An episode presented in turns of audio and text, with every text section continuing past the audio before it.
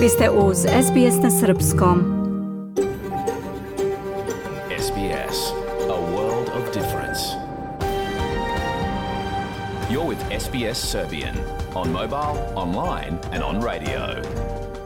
Vi ste uz SBS na Srpskom, na mobilnom, na internetu i na radiju.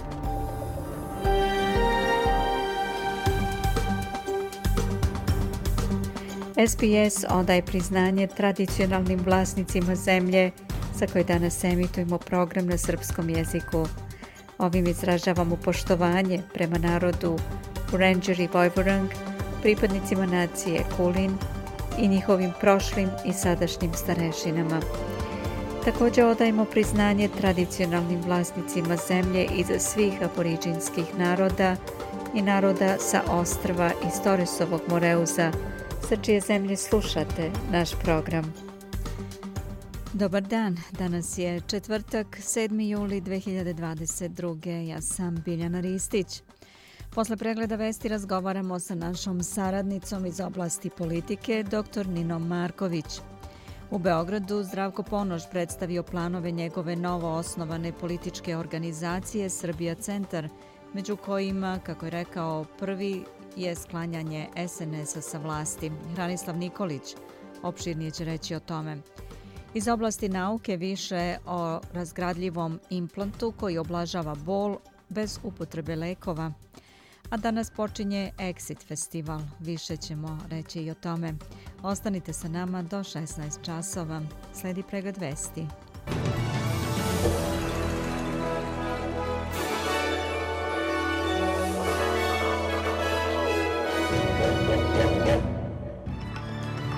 Ministarka spoljnih poslova Australije Penny Wong pojačava pritisak na Kinu da ubedi Rusiju da okonča rat u Ukrajini.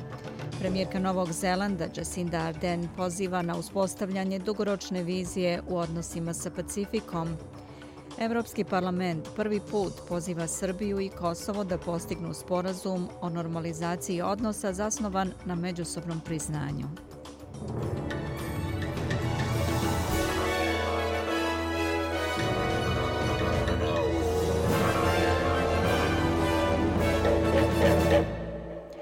Blok vesti iz Australije pripremila je Nataša Kampmark. Izvoli Nataša.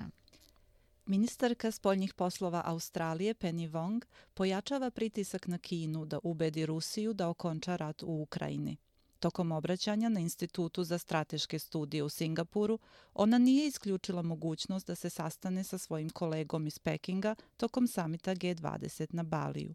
Ona je dodala da sve članice asocijacije nacija Jugoistočne Azije imaju odgovornost da obezbede stabilnost u regionu. The new Australian government has made very clear we see our future Nova australijska vlada je vrlo jasno stavila do znanja da svoju budućnost i svoju bezbednost vidimo u ovom regionu, a to je zajednička vizija, odnosno zajednički interes o prirodi regiona koji želimo. Regiona koji će se upravljati prema pravilima i normama tako da ponašanje bude predvidljivo i koji će biti miran, napredan i stabilan.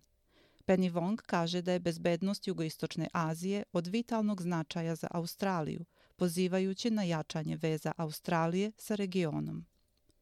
Premijerka Novog Zelanda, Jacinda Ardern, poziva na uspostavljanje dugoročne vizije u odnosima sa Pacifikom. Ona je govorila na institutu Lovi u Sidneju, gde je upitana da li je trgovinski i bezbednosti ugovor Kine i Solomonovih ostrva zabrinjavajući za Novi Zeland u istoj meri kao i za Australiju. Gospođa Ardern kaže da se Solomonovim ostrvima mora priznati suvereno pravo da donose sobstvene odluke o odnosima sa drugim državama. Yes, we have long standing and deep relationships. Da, mi imamo dugoročne i duboke odnose, ali i Kina također ima dugoročne odnose sa Pacifikom. A Solomonova ostrva su 2019. očigledno prebacila diplomatsko priznanje sa Tajvana na Kinu, A ko smo mi da tome prigovaramo, kad i sam Novi Zeland zastupa politiku jedinstvene Kine? Ono što je za nas ovde sporno, međutim, jeste činjenica da ulazimo u ovaj prostor koji bi mogao da se podvrgne militarizaciji, a to nas duboko zabrinjava. Premijer Anthony Albanese najavio je jednokratnu novčanu pomoć za stanovnike Novog Južnog Velsa koji su pogođeni najnovijim poplavama. Svi koji ispunjavaju uslove od danas popodne moći će da podignu pomoć u iznosu od 1000 dolara.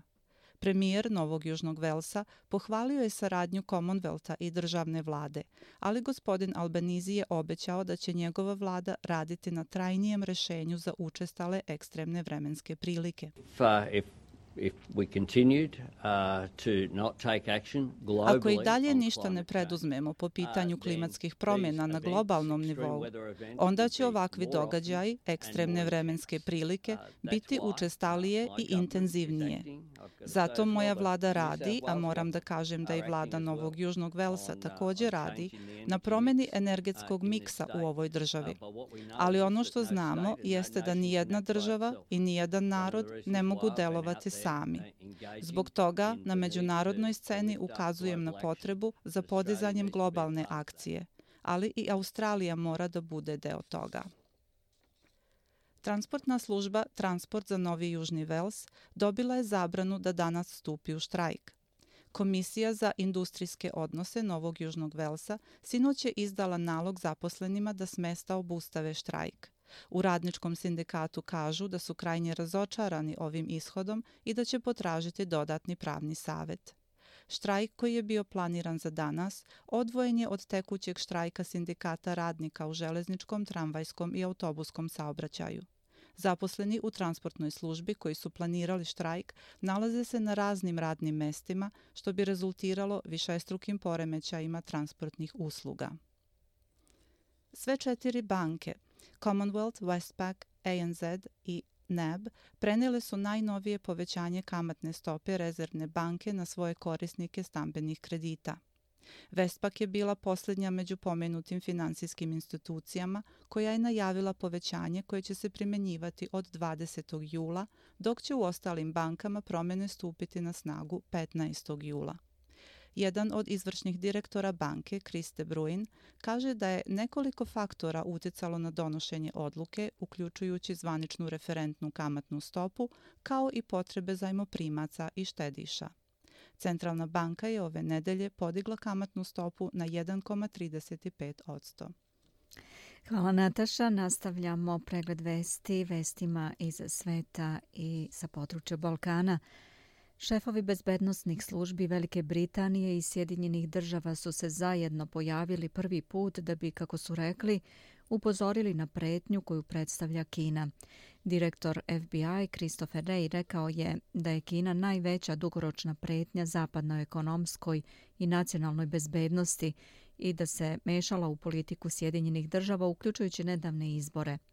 Re je upozorio da bi Kina, ako bi nasilno zauzela Tajvan, predstavljala jedan od najstrašnijih poremećaja poslovanja koje je svet ikada video. Šef MI5 Ken McCallum izjavio je da je ta agencija u posljednje tri godine udvostručila praćenje kineskih aktivnosti, a da će to dodatno pojačati.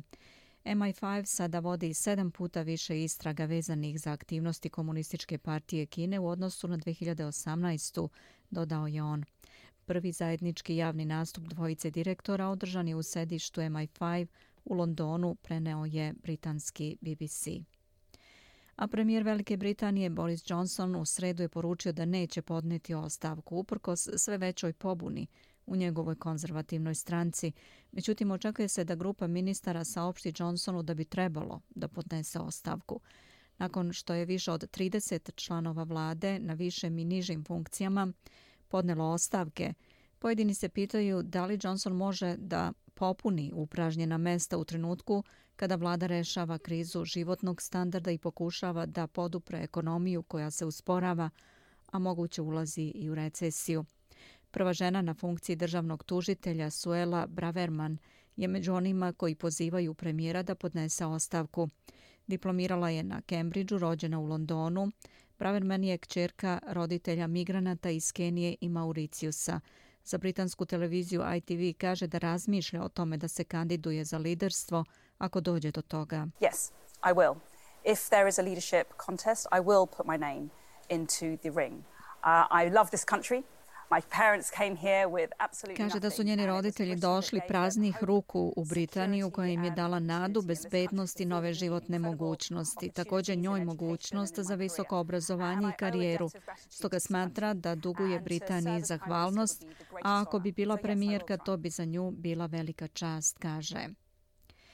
Poslanici Evropskog parlamenta usvojili su 6. jula u Strasburu rezoluciju u kojoj se navodi da će napredak Srbije ka Evropskoj uniji direktno zavisiti od jačanja vladavine prava, normalizacija odnosa sa Kosovom i usklađivanja sa evropskom spoljnom i bezbednostnom politikom, što uključuje uvođenje sankcija Rusiji. Rezolucija, zasnovana na izveštaju koji je sačinio izvestilac Evropskog parlamenta za Srbiju, Vladimir Bilčik, usvojena je na plenarnoj sednici Evropskog parlamenta sa 523 glasa za, protiv je bilo 78 poslanika uz 34 uzdržana. Tom rezolucijom Evropski parlament prvi put poziva Srbiju i Kosovo da postignu sporazum o normalizaciji zasnovan na međusobnom priznanju. U rezoluciji se izražava duboko žaljenje što se Srbija nije pridružila sankcijama koje Evropska unija uvela Rusiji zbog invazije na Ukrajinu i poziva novo izabrane vlasti u Beogradu da se hitno usklade sa spoljnopolitičkim odlukama Evropske unije, uključujući uvođenje sankcija Rusiji. Evropski parlament poziva Srbiju da preispita svoje odnose sa Rusijom u oblasti odbrambene politike i da prekine oblike vojne saradnje sa Rusijom, navodi se u rezoluciji. Odgovarajući na pitanja novinara o rezoluciji Evropskog parlamenta o Srbiji, predsjednik Aleksandar Vučić je rekao da je bilo pokušaja pojedinih poslanika u Evropskom parlamentu da se izglasa odluka o prekidu pregovora sa Srbijom. Nama je drago što to nije izglasano jer bi bilo pogrešno da jeste. Hvala većini evroposlanika koji to nisu izglasali, rekao je Vučić. Smatra da bi svakako trebalo svako da radi svoj posao i naglašava da Srbija neće nikoga da moli prenosi radio televizija Srbije. Vi svoj posao, mi svoj posao, mi imamo svoje interese. Važno je da Srbija bude na evropskom putu, ali je važno da Srbija ima i svoju slobodu i da razmišlja o svojim vitalnim državnim i nacionalnim interesima. Ako neko ne razume specifičnost pozicije Srbije, onda taj i ne želi iskreno dobro ni svojoj Evropskoj uniji, niti bilo kome od nas na Balkanu. Vučić je na pitanje kako će odgovoriti na zahtjev iz rezolucije o Srbiji Evropskog parlamenta u kojem je navedeno da se očekuje od Srbije i Kosova da potpišu sporazum o normalizaciji odnosa koji bi se zasnivao na međusobnom priznanju, što je prvi put da se međusobno priznanje i pominje u zvaničnom dokumentu Evropske unije, rekao je da će Srbija odgovoriti lepo, pristojno i učtivo i da će reći da neće. Na pitanje da li će pristati da ide na dijalog sa Albinom Kurtijem, Vučić je kazao da hoće, ali da ga niko nije zvao i da tu ne vidi neki smisao. Niko me nije ni pitao, ja ne bežim ni od jednog sastanka, uglavnom i on bežao sa sastanaka i od sastanaka ne bežim od toga. Republička izborna komisija Srbije je nakon tri meseca proglasila konačne rezultate parlamentarnih izbora u Srbiji održanih 3. aprila, tek kada Narodna skupština bude sazvana, počinje da teče rok za formiranje nove vlade. Predsjednik Skupštine Srbije Ivica Dačić kaže za Euronews Srbija da će sačekati da prođe 72 sata od objavljivanja izveštaja Rika o konačnom rezultatu parlamentarnih izbora, što je rok za žalbe, te će nakon toga Skupštini biti dostavljena uverenja o dodeli mandata poslanicima. Onda je moguće tek e, razgovarati o datumu kada bi bila održana sednica Narodne skupštine. U svakom slučaju to mora da bude do 4. augusta. Ja očekujem da će do kraja jula ta sednica svakako biti. A tek onda idu rokovi za za formiranje vlade, to je 90 dana od dana konstituisanja parlamenta. A konstituisanje parlamenta po e, našim zakonima i po poslovniku podrazumeva da budu verifikovani mandati dve trećine, najmanje dve trećine poslanika. Znači, to ne mora da znači da e, mora odmah da bude izabran i predsednik parlamenta, potpredsjednici i e, odbori, e, već samo verifikacija mandata, a ovo drugo se može ostaviti za nastavak te sednice kao što je to bilo i prethodne godine.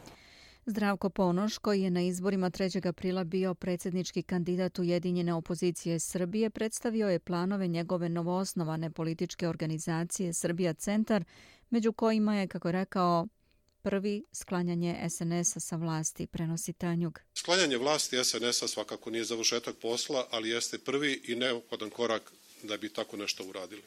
To je prvi i neophodan korak za uspostavljanje Srbije kao normalne države. A kakva je to normalna Srbija? Verujem da je to Srbija koja ne odudara od država kao što su, na primjer, Češka ili Slovačka i u institucionalnoj izgrađenosti, i u stabilnosti, i u bezbednosti, i u životnom standardu. To nije nedostižno. Dovršen posao bi bio kad možemo da konstatujemo da nam je država održiva, da više stvaramo nego što trošimo, da svaka naredna generacija stvori više nego što potroši materijalnih vrednosti ili nego što nasledi kulturnih vrednosti i znanja. Dovršen posao bi bio kad možemo da konstatujemo da je država, država u službi svojih građana, od koje se ne zazire, nego je se obraća s poverenjem. To je država u kojoj su svi njeni građani građani prvog reda, nema drugog reda. Da pogledamo i kolika je vrednost australijskog dolara danas prema američkom dolaru vredi 69 centi, 66 euro centi, 57 britanskih penija i 77 srpskih dinara, 58 para.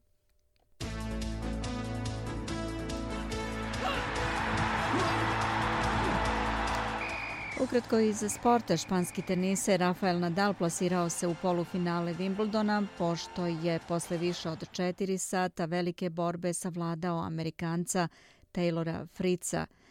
Rumunska teniserka Simona Halep i Elena Ripkina iz Kazahstana plasirale su se u polufinale Wimbledona. Halep je ubedljivo savladala Amerikanku Amandu Anisimovu, dok je Ribakina bila bolja od Australijanke Ajle Tomljanović. Australijanac Nick Kyrgios savladao je Čileanca Kristijana Garina sa 3-0 po setovima i plasirao se u prvo Grand Slam polufinale. Naredni rival bit će mu Rafael Nadal. Britanac Cameron Nori plasirao se u polufinale Wimbledona pošto je sa 3-2 u setovima savladao Davida Goffena. Nori će se pred domaćom publikom boriti za plasman u prvo Grand Slam finale, a protivnik će mu biti Novak Đoković. Trostuka juniorska šampionka Srbije, nacionalna rekorderka u skoku uvis Angelina Topić osvojila je zlato na Evropskom prvenstvu za atletičare do 18 godina koje se održava u Jerusalimu. Ona je u finalu preskočila 192 cm. Odbojkaška reprezentacija Srbije poražena je u prvoj utakmici na turniru B grupe treće nedelje Lige nacija u Gdansku od Slovenije 3-0. Posle dana pauze Srbija će drugu utakmicu odigrati u petak protiv Italije. Ženska rukometna reprezentacija Srbije osvojila je bronzanu medalju. U duelu za treće mesto Srpkinje su savladale Portugaliju 26-22 a rukometaši Srbije osvojili također bronzanu medalju na mediteranskim igrama u Oranu, pošto su u meču za treće mesto savladali Severnu Makedoniju 34-29.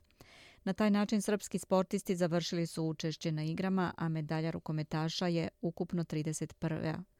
Srbija je u Oranu osvojila još 13 zlatnih odličja, 7 srebrnih i 11 bronzanih medalja.